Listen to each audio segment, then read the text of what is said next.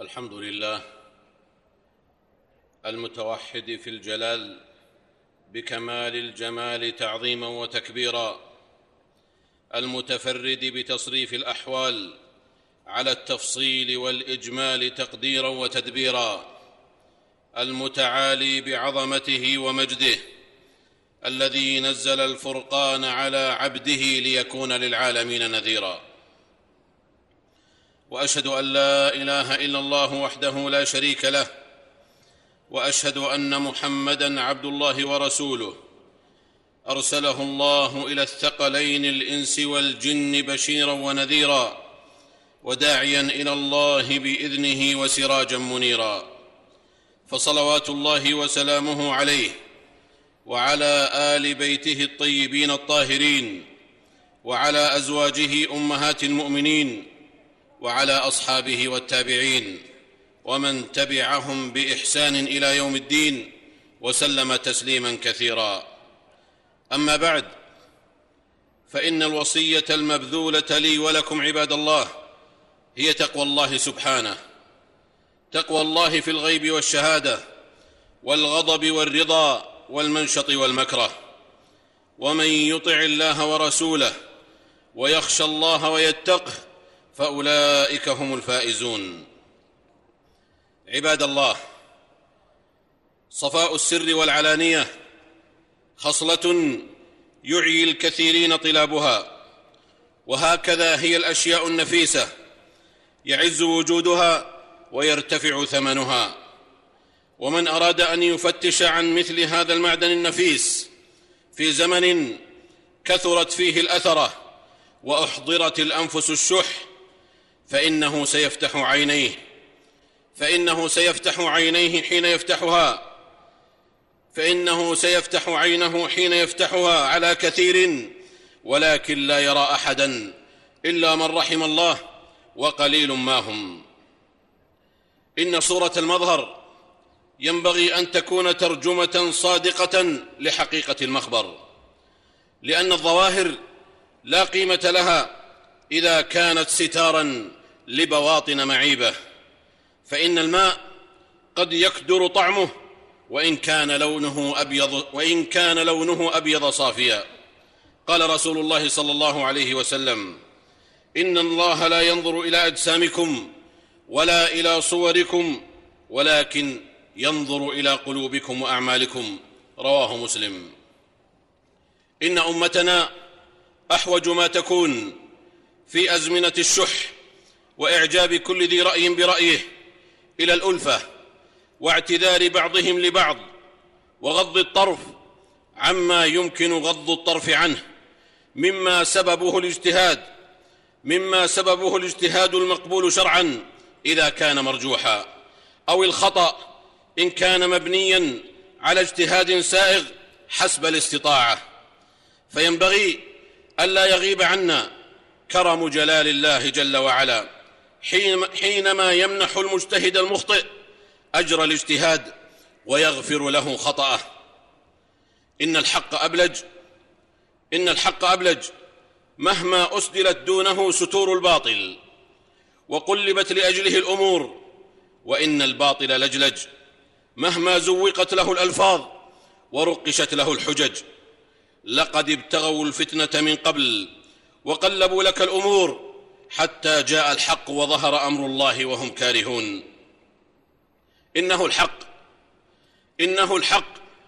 الذي من ظن أن بملكه أن يستره فإنه كمن يستر ضوء الشمس بغربال. إذا علم ذلكم عباد الله إذا علم ذلكم عباد الله فإن على كل مسلم أن يحسن القصد تجاه ربه ثم تجاه الناس وأن يجعل لإحسان الظن بالآخرين من السعة والانشراح ما لا يجعله لسوء الظن بهم. فإنه إن أخطأ في حسن ظنه لم يكن عليه من الإثم ما يكون في خطئه بسوء ظنه. ومن هنا ومن هنا يستطيع المرء الصادق أن يزن نفسه بميزان الشرع في تعامله مع أخطاء الآخرين بحيث يلجم نفسه بحيث يلجم نفسه الجاما عن أن تقع في أتون تصيد الأخطاء وتتبع العورات. يقوده في ذلك العلم والعدل. بيد أن هناك فرقا بين تصيد الأخطاء وبين تصحيحها. فالأول إنما هو من باب التعيير والتشهير والتشفي. والثاني من باب بيان النصح بالحق والدعوة إليه.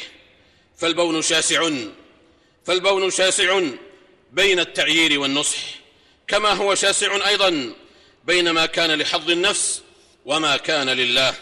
ما عندكم ينفد وما عند الله باق. ثم إن من المجرب المشاهد أن المعيرين الذين يشهرون غيرهم بالأخطاء تدور عليهم الدوائر فيقعون في الحفر التي حفروها للمعيرين لأن التعيير داء منصف يفعل بالمعير فعله بالمعير والجزاء من جنس العمل. وقد جاء في الحديث الذي رواه الترمذي من عير أخاه بذنب لم يمت حتى يعمله.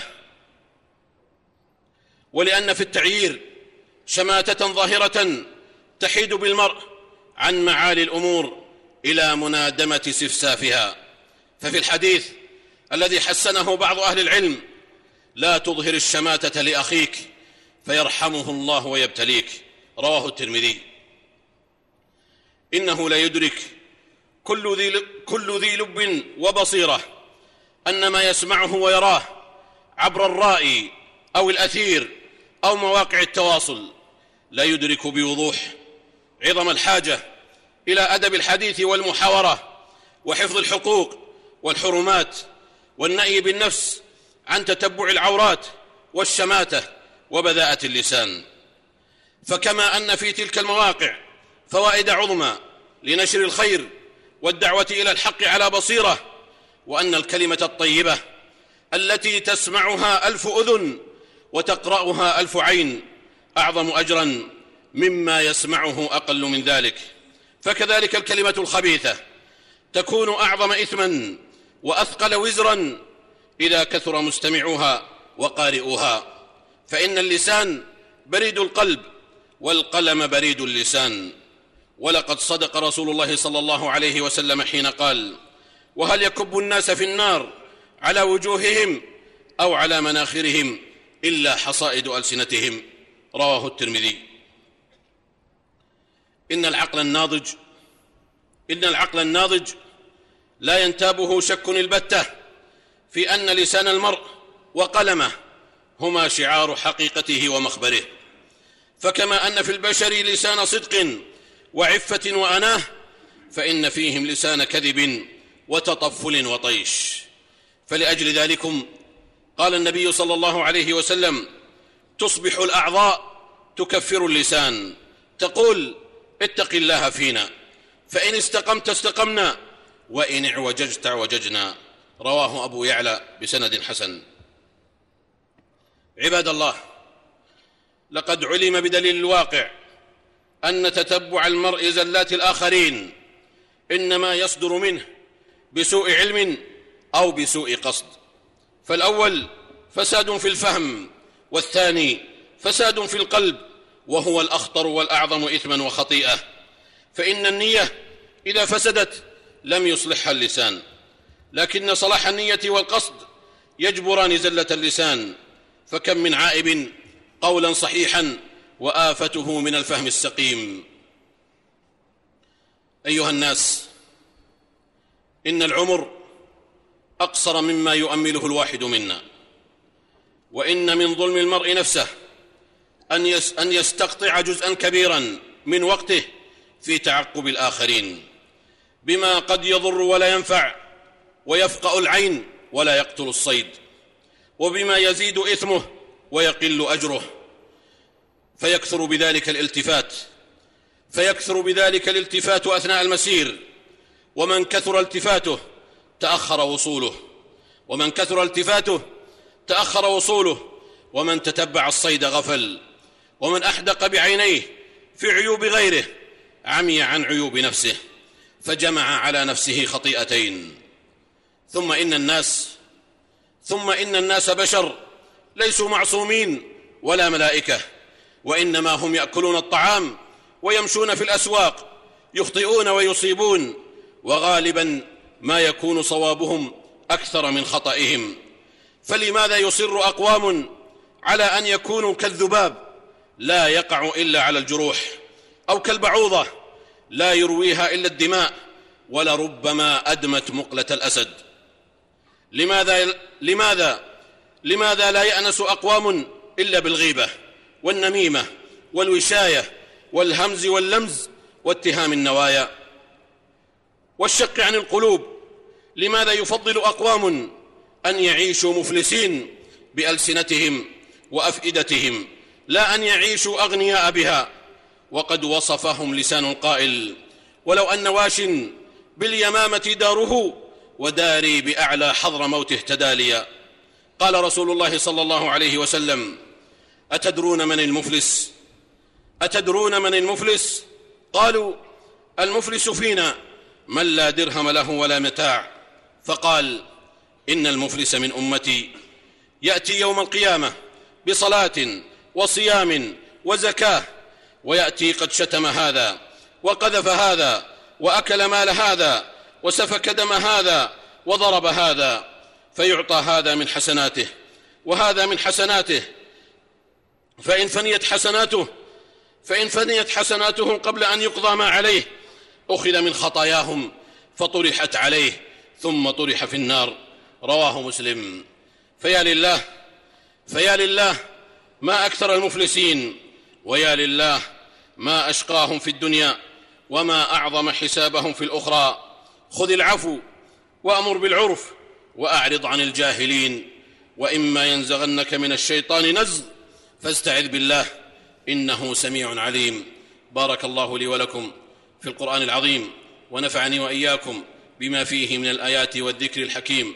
قد قلت ما قلت إن صوابا فمن الله وإن خطأ فمن نفسي والشيطان. وأستغفر الله لي ولكم ولسائر المسلمين والمسلمات من كل ذنب وخطيئة فاستغفروه وتوبوا إليه. إنه هو الغفور الرحيم. الحمد لله على إحسانه والشكر له على توفيقه وامتنانه. وبعد فاتقوا الله عباد الله واعلموا أن الأمر بحفظ اللسان وستر عورات الناس وعدم تتبع زلاتهم لا يعني بداهة عدم النصح لهم. إذا ظهر منهم الخطأ بأوجه, بأوجه النصح معروفة. الخارجة عن معنى التعيير والتشهير. فلا خير في من لا ينصح ولا خير في من لا يقبل النصح. فكل ابن آدم فكل ابن آدم خطاء وخير الخطائين التوابون. وليس عيبا أن تخطئ فالخطأ من طبيعة البشر. إذ الكمال لله والعصمة لرسله.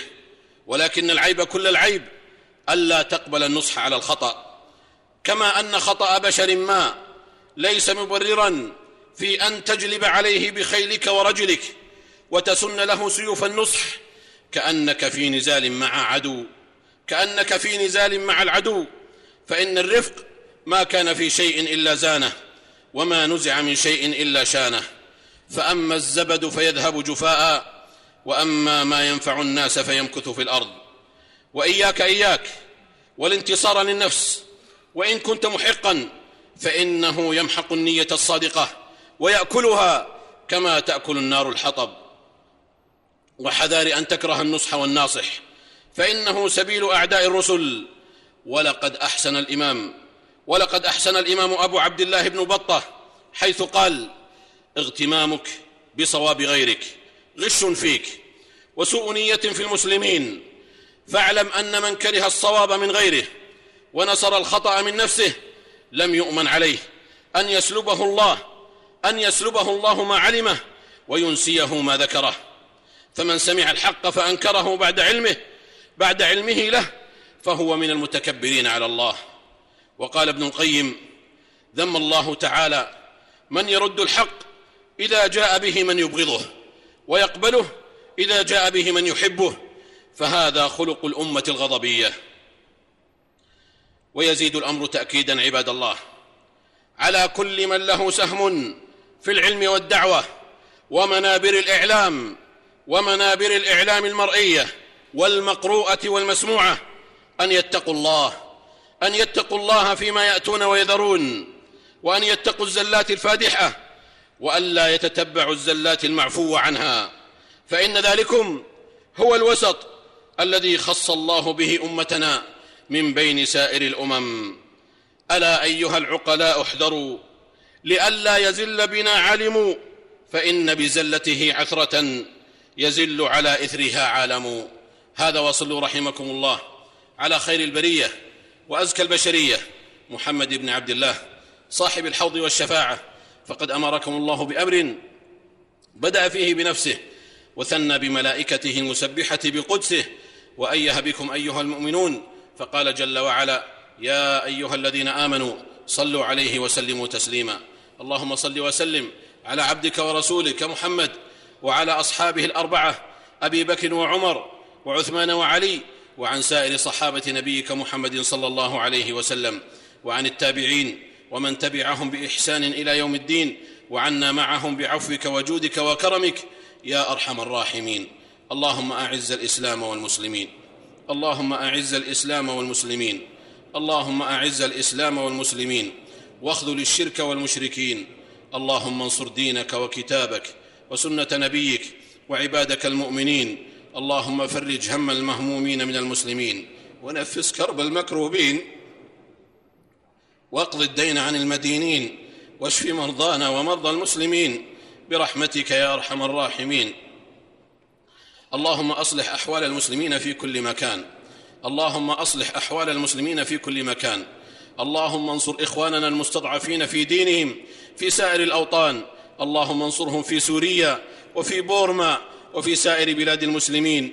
يا رب العالمين اللهم أمنا في أوطاننا وأصلح أئمتنا وولاة أمورنا واجعل ولايتنا في من خافك واتقاك واتبع رضاك يا رب العالمين. اللهم وفق ولي أمرنا لما تحبه وترضاه من الأقوال والأعمال. يا حي يا قيوم اللهم أصلح له بطانته يا ذا الجلال والإكرام. اللهم أنت الله لا إله إلا أنت. أنت الغني ونحن الفقراء. أنزل علينا الغيث ولا تجعلنا من القانطين. اللهم أنت الله لا إله إلا أنت. أنت الغني ونحن الفقراء. أنزل علينا الغيث ولا تجعلنا من القانطين. اللهم أنت الله لا إله إلا أنت. أنت الغني ونحن الفقراء. أنزل علينا الغيث ولا تجعلنا من القانطين. اللهم لا تحرمنا خير ما عندك بشر ما عندنا. يا ذا الجلال والإكرام. ربنا آتنا في الدنيا حسنة وفي الآخرة حسنة وقنا عذاب النار. سبحان ربنا رب العزة عما يصفون وسلام على المرسلين وآخر دعوانا أن الحمد لله رب العالمين.